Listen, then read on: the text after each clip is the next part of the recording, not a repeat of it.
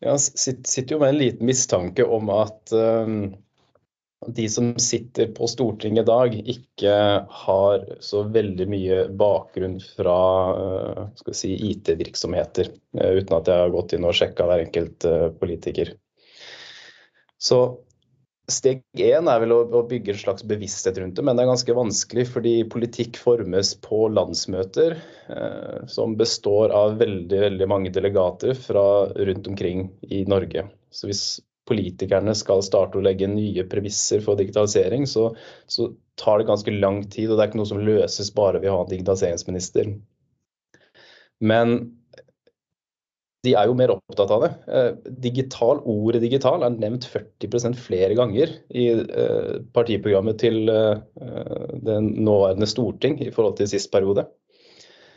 Så de er, på rett spor. Og, Grunnen til at det nevnes ofte, det er, det er at de ser jo at dette er en stor kilde til verdiskaping i offentlig sektor. På én måte litt lavterskel i forhold til andre ting som, som bruer og veier.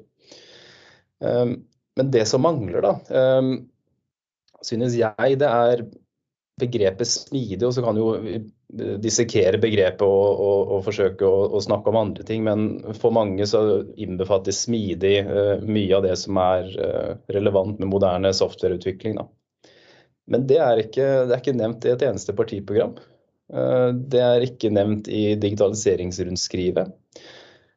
Og det medfører jo at innad i hver etat så må du ha IT- eller digitaliseringsdirektører som kjemper for å jobbe smidigere. Um, og det er en liten krasj, synes jeg, mellom uh, byråkratiet, som har en viktig evne i, i å, å, være stabilt. Du skal ha forutsigbarhet over tid. Og så har du det å drive med IT-utvikling som skal skje raskt og snappy og kontinuerlig. Så ved at vi mangler det budskapet da, synes jeg, fra toppolitikerhold om at nå skal offentlig sektor begynne å jobbe smidig, så må hver og en etat eh, ta den kampen litt uh, mellom seg selv. Uh, heller enn at uh, alle departementene og, og, statsrådene i dialogmøte da, med direktørene i de ulike etatene kan på en måte legge premisset nå skal vi jobbe smidig. Jeg, tror det at eh, smidig-begrepet eh, blir vanskelig for mange. Da. og Det er så utvanna, for at alle er jo smidige. Altså, alle de som måtte ikke smidige, er også smidige. Liksom. Så uh, mitt tips da, er kanskje heller å se på en bok som heter 'Reinventing Organizations'. Jeg kom for et år siden. Det snakker om smidig, men ikke, kall det ikke smidig. Det snakker om en ny måte å, å tenke på, en ny kultur, en ny måte å jobbe på som er akkurat det samme. Som går på å flytte eh, ansvaret ned på dem som har skoa på. Eh, Sjølorganisering. Eh, som er hele kjernen da, i, i smidiggrepet som vi kjenner fra, fra IT-bransjen. Men som forfatteren har funnet, finnes i alle bransjer. Da. Det finnes i helse, det finnes overalt. da. Og at det er kanskje et bedre fundament å bygge på for politikerne enn på en måte å ta et sånn tross alt teknologibegrep, da, eller på en måte fra IT-verden. Um, for Det gjelder ikke bare IT, det gjelder på en måte alle måter å organisere seg og, og bygge eh, kultur på. Da. Så Det er kanskje en bedre inngang til det for politikere også. Det tror jeg du har helt rett i. Digitalisering oversettes gjerne som IT-prosjekt i mange virksomheter. Og noen av de beste digitaliseringsprosjektene jeg har vært i, har faktisk manglet utviklingsbudsjetter og strevd med å få pengene de trengte, og derfor måttet jobbet innenfor veldig begrensede rammer. Og derfor brukt veldig mye mer tid på å sette seg inn i hva er egentlig behovet. Hva skal vi egentlig løse, og bore ned i det, fremfor å si her har vi en pott med penger, nå må vi komme i gang og bygge. Det er Iveren etter å bygge ting er en utfordring noen ganger for, for teknologene. Fordi eh, de politiske problemstillingene vi snakker om, de har veldig, langt, eh, veldig lang levetid. Og da er det veldig veldig fint å faktisk sette seg inn i hva er behovene faktisk. Så kanskje det å tenke hvordan skal vi bygge om virksomhetene våre, hvordan skal vi faktisk følge med på hva behovene er, enda viktigere. Og det tror jeg veldig mange politikere kan skjønne. Det å, det å lytte til hva folk mener og hva som skjer der ute. Og så da samtidig klare å takle teknologisiden av det, oversette til noe som man kan bygge en løsning med. Jeg er enig i at uh, si, smidigbegrepet har sine begrensninger og kan være fremmedgjørende for mange. Um, utfordringen tror jeg at, er at um, de alt vi snakker om som, som, også er i Reinventing Organizations, det tar så lang tid å forklare. Um, så det å ha ett begrep som på en måte fanger om ganske mye, og så er det upresist og det er diffust osv. Um, det kan gjøre kommunikasjonen enklere uh, ved at man må sette seg inn i hva det begrepet består av, og så kan man dykke, dykke lenger ned. da. Uh, når det gjelder den brukerorienteringen, så, så syns jeg det fokuset på livshendelser er jo noe som har virkelig dratt det opp uh, nasjonalt sett. Men hvis du har fokus på livshendelser og fortsatt kjører det i prosjekter gjennom statens prosjektmodell, så, så, så er jo teknologien utdatert innen vi er i, på en måte har, har klart å, å levere, levere, noe. Så um, det er litt tricky. Og så er man glad i å bruke ubegripelige uttrykk som sammenhengende tjenester.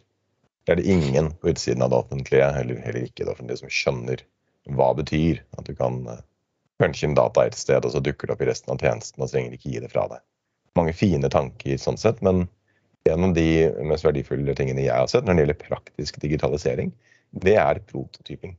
Både å se hva slags tjenester vil fungere for brukerne. Altså man kan da bruke manuell saksbehandling for å teste flyten i noe nytt. Du kan også da kontinuerlig overvåke hvilke regler er det de bruker, hva er det som gjelder, hva er det som er vanlig. Hvis det er noen her som har vært gjennom oppgjør etter eh, dødsfall, som det nå jobbes med i regi av Digitir og flere, så vil du plutselig komme til en sånn 1980-tallsversjon av Norge hvor du får papirer i posten med stempler som du skal sende til forskjellige folk, som er veldig forvirrende. Når du egentlig bare regner med å gå inn på Altinn og finne en eh, del dokumenter og bli ferdig med det. Så Det er noe med det å kunne eh, prototype og teste og kvalitetssikre forslagene man har, før man faktisk går løs på å lage ting. Der tror jeg det mangler en sløyfe i politikkutforming og forskriftsutforming. At det leveres innstillinger, det gjøres komitéarbeid og ting skal bankes gjennom. Men veldig ofte når man da skal sette seg ned og lage ting etterpå basert på det, så er det veldig tydelig at her har ingen faktisk prøvd å prototype det innenfor rammene av eksisterende systemer. Så vi må finne en sånn praktisk måte for å ta det ned fra de store bildene. Og finne ut hvordan skal vi egentlig skrive lover og forskrifter som lar seg implementere. Fordi det er veldig mye som skal til i et prosjekt, når du finner ut at ting ikke helt funker, skal du jobbe hardt for å få det tilbake til Stortinget for å få gjennom en endring. Når kravspekken kommer derfra. Det er en ting som hadde vært fint å ta tak i på en litt sånn praktisk måte. Kanskje man kunne ha en forskrift om eh, utforming av digitale løsninger som styres av andre forskrifter. Igjen, fullt mulig, for vi har faktisk en forskrift om forskriftsutforming. Og da kunne det legge opp der at man hadde en sånn eh, sandbox eller sandkasse hvor du kan teste ut ting og vurdere ting og ha mulighet til å gjøre ting i et begrenset omfang som del av noe ordentlig. Se hvordan fungerer dette egentlig. Kan vi ha en testfase hvor ting gjøres med manuell kontroll med jurister om bord? Og så se at jo, denne løsningen har vi tro på at det kan fungere. At det så går tilbake til, eh, til forskriften. For husk at veldig mange av disse forskriftene de er jo bare edge cases. De har bare tatt for seg alt det kompliserte og er skrudd sammen sånn at de som eventuelt skal møtes i retten, har noe å ta tak i. Mens vi som skal bygge den digitale løsningen, sitter jo og klør oss i huet om hvordan skal vi egentlig lage noe ut av dette her. når ingen helt klarer å få grep om hva teksten er. Så tekstproduksjon i juss kontra tekstproduksjon innenfor digital produktutvikling. To veldig forskjellige ting. Og det er et sentralt problem som vi må finne ut av sammen. Hva gjør vi med det? Og Da kan man jo komme inn på tverrfaglighet kanskje mellom jurister i, de, i departementet, stortingspolitikere og de som skal utvikle IT-løsningen. Da snakker du skikkelig tverrfaglighet på, på flere nivåer. Eh, og Det har jo til dels også skjedd. da. I, I, pandemien så kom det jo forskrifter ut på, på løpende bånd og IT-løsninger som også var tilpassa dem. Så Eh, vi kan hvis vi, hvis vi har lyst. Um, men jeg kom til å tenke på litt tilbake til um, hvordan man skal kommunisere for politikere. Da, den beste måten å drive IT-utvikling på. Og da har jeg hatt en tanke om at eh, hvis vi kan se på det som FoU-midler istedenfor IT-prosjektmidler, eh, så virker det for meg å være mye mer presis Eh, betegnelse på det. For det, det vi driver med, det er forskning og utvikling. Det er IT-utvikling. Eh, og da fjerner vi også litt den frykten for store strandede IT-prosjekter. fordi hvem er det som har hørt om et strandet forskningsprosjekt? Ja, men da, da fant man ikke ut av ting.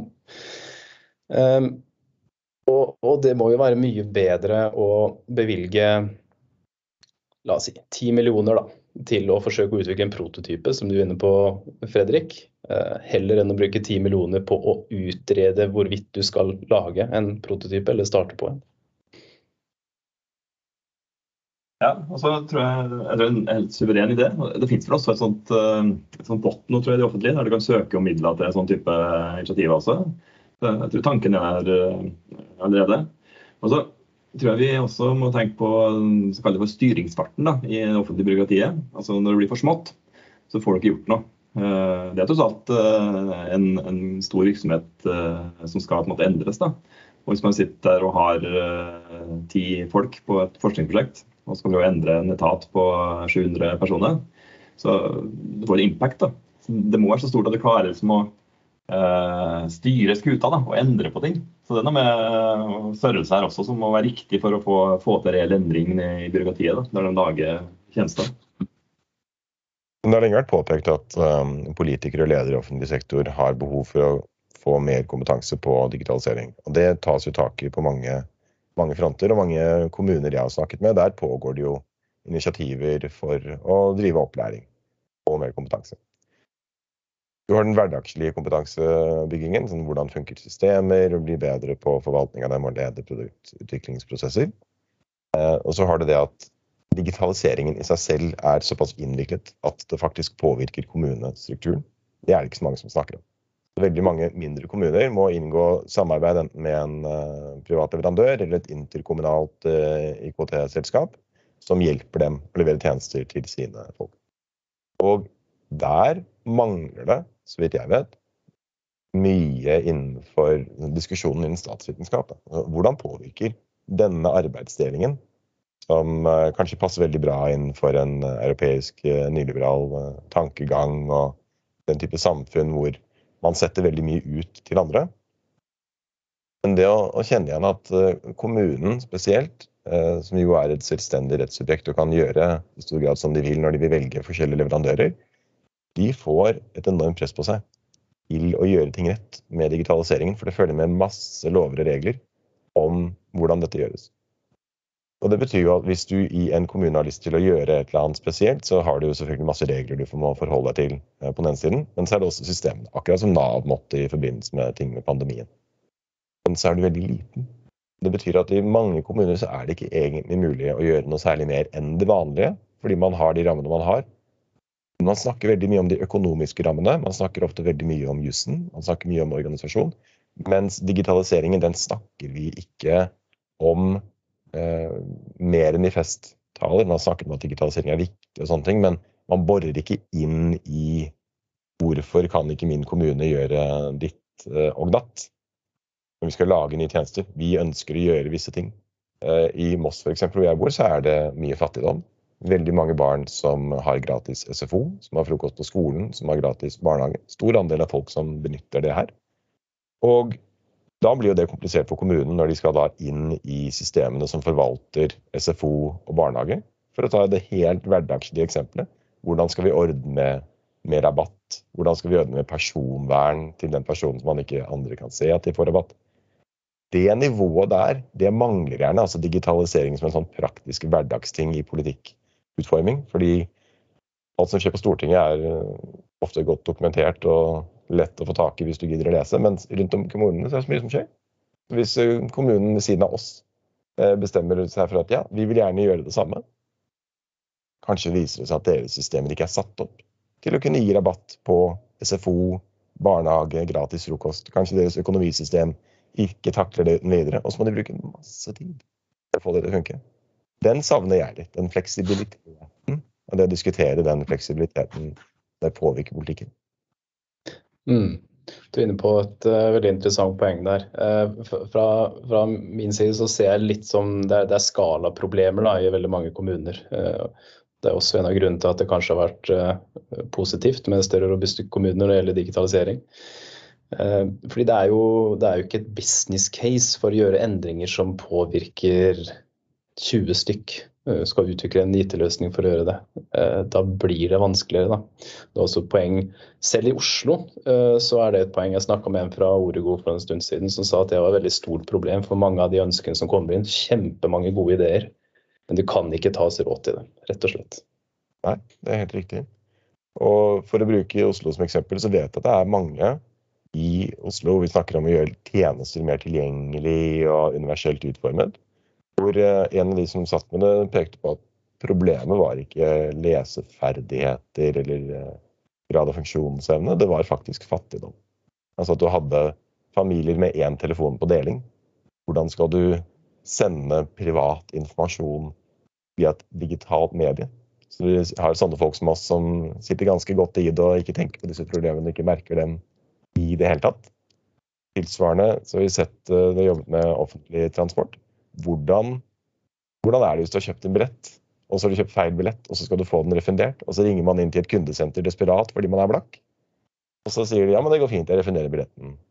Ja, fint, da kan jeg bruke det. Nei, det tar vel tre-fire dager før pengene kommer. Det er sånne små nyanser, da. Folk som ikke har tre-fire dager til å få de pengene. Tilsvarende med eh, sosialhjelp det er veldig innviklet, fordi det tar for seg den hele bredden av eh, samfunnsproblemer på en gang, inkludert eh, digitalisering. Og det må huske at digitaliseringen skaper også en negativ side for den enkelte som ikke allerede har en fin mobil og vet hvordan man bruker data. Så det er en veldig viktig ting at vi finner ut, som vi var inne på før, organisasjonsendring. Hvordan skal det påvirke, hvis vi bare tenker at alt skal bli digitalt, kontra hvordan skal vi best hjelpe de som vi er satt til å hjelpe, det lager ofte en helt annet rom for, eh, for digitale løsninger. Jeg har lyst til å si en ting om at vi som jobber med digitalisering, syns ofte at dokumenter er teit, og at vi burde ha digitale løsninger for alt. Eh, så når du får en Word-fil og tenker 'jøye meg, jobber de i Word', dette må vi gjøre noe med. Men det som er veldig fascinerende med det offentlige sånn sett, og store virksomheter, er at dokumenter. Du kan lage din egen arbeidsflyt. Se på hvorfor Excel er så viktig rundt omkring. Du har makt til å gjøre dine egne ting. Du kan lage din egen prosess. Du kan finne opp ditt eget system. Når du kommer inn med noe IT-greier, så er det plutselig veldig komplisert å gjøre endringer. Du må ha spesialister inn for å endre den minste ting. Og ikke alle tjenester du var inne på disse, ikke alle tjenester skal skalere til milliarder av brukere. Noen kan faktisk liksom kjøre lokalt. Jeg tror ikke Word er løsningen for det.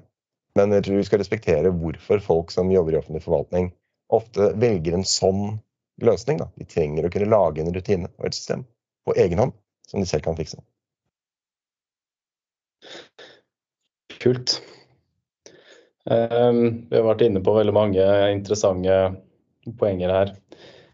Vi kan jo forsøke å gå litt inn på landing da, og peile litt tilbake til uh, politikerne, toppolitikerne våre. Hvis de skulle skrevet noe i partiprogrammet sitt, eller de skulle formidle et enkelt budskap til eh, virksomhetene eh, for at vi skal kunne digitalisere eh, offentlig sektor raskere og bedre fremover. Hva ville det enkle budskapet vært? Det er vanskelig å si eh, det ene, men eh, det som vi opplever da, som vi snakka om før også eh, i dag, er jo det med finansieringa. At man slutter med de her store IT-prosjektene. Det er jo en klassiker, det. Det er jo snakka om mange ganger. At man ikke får finansiere på den måten man gjør. Og ikke har de KS-prosessene som måtte forsinke og forvanske alt man gjør. da. At man heller har et budskap om fortløpende produktutvikling også fra politikersted. da. Det har jo vært en, en klar forbedring. En langsiktig løsning det er å passe på at alle som utdannes innenfor både teknologi, juss, statsvitenskap og alle de andre fagene som da kommer inn og jobber i dette krysningspunktet, vet om hverandres felt, om sentrale problemer innen hverandres verdener, så man forstår litt mer om de andre. Og mellomlang sikt så er dette spørsmålet om finansiering og finansieringsmekanismer viktig, også når du tenker på hvor mye penger man betaler hvert år for å ha disse IT-løsningene kjørende. Eh, på kort sikt så hadde jeg ønsket meg en eh, forskrift som ga rom for å ha offentlige tjenester med et slags sidespor, hvor du kunne teste og prototype på ordentlig. Fordi når vi ikke gjør ting på ordentlig, så vet vi ikke hva effekten egentlig er. Så det blir veldig mye man spekulerer i hvordan kan det bli. En forskrift som ga virksomheter lov til å følge en gitt prosess med trygge rammer og måter å dra i håndbrekket på, som gjorde at de kunne ta en offentlig tjeneste som eksisterer, og la brukere, eller virksomheter, som selv sa ja til å delta, om å være med på en litt annen måte å bruke den tjenesten og gi sine tilbakemeldinger. Det tror jeg kunne vært en veldig nyttig ting for å øke eksperimenteringsrommet på en forutsigbar og, og, trygg måte som ikke roter med folks rettigheter, men gir fleksibilitet til å finne ut funker dette. Mm. Um, det jeg ville skrevet i et partiprogram, vil um, tror jeg ville vært at offentlig sektor Litt tilbake til smidebegrepet. Offentlig sektor skal bli smidigere i softwareutviklinga. Uh, veldig kort budskap som det ligger veldig mye diffust, men uh, så er politikken litt diffus også. Så um, vi kan jo si at det her får være nok for nå. Å gå inn for landing og på gjensyn.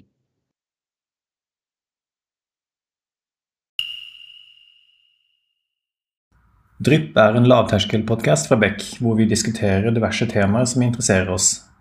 Og Hvis du har et tema som du har lyst til at vi skal snakke om, eller du vil være med på en innspilling, ta kontakt på drypp.beck.no.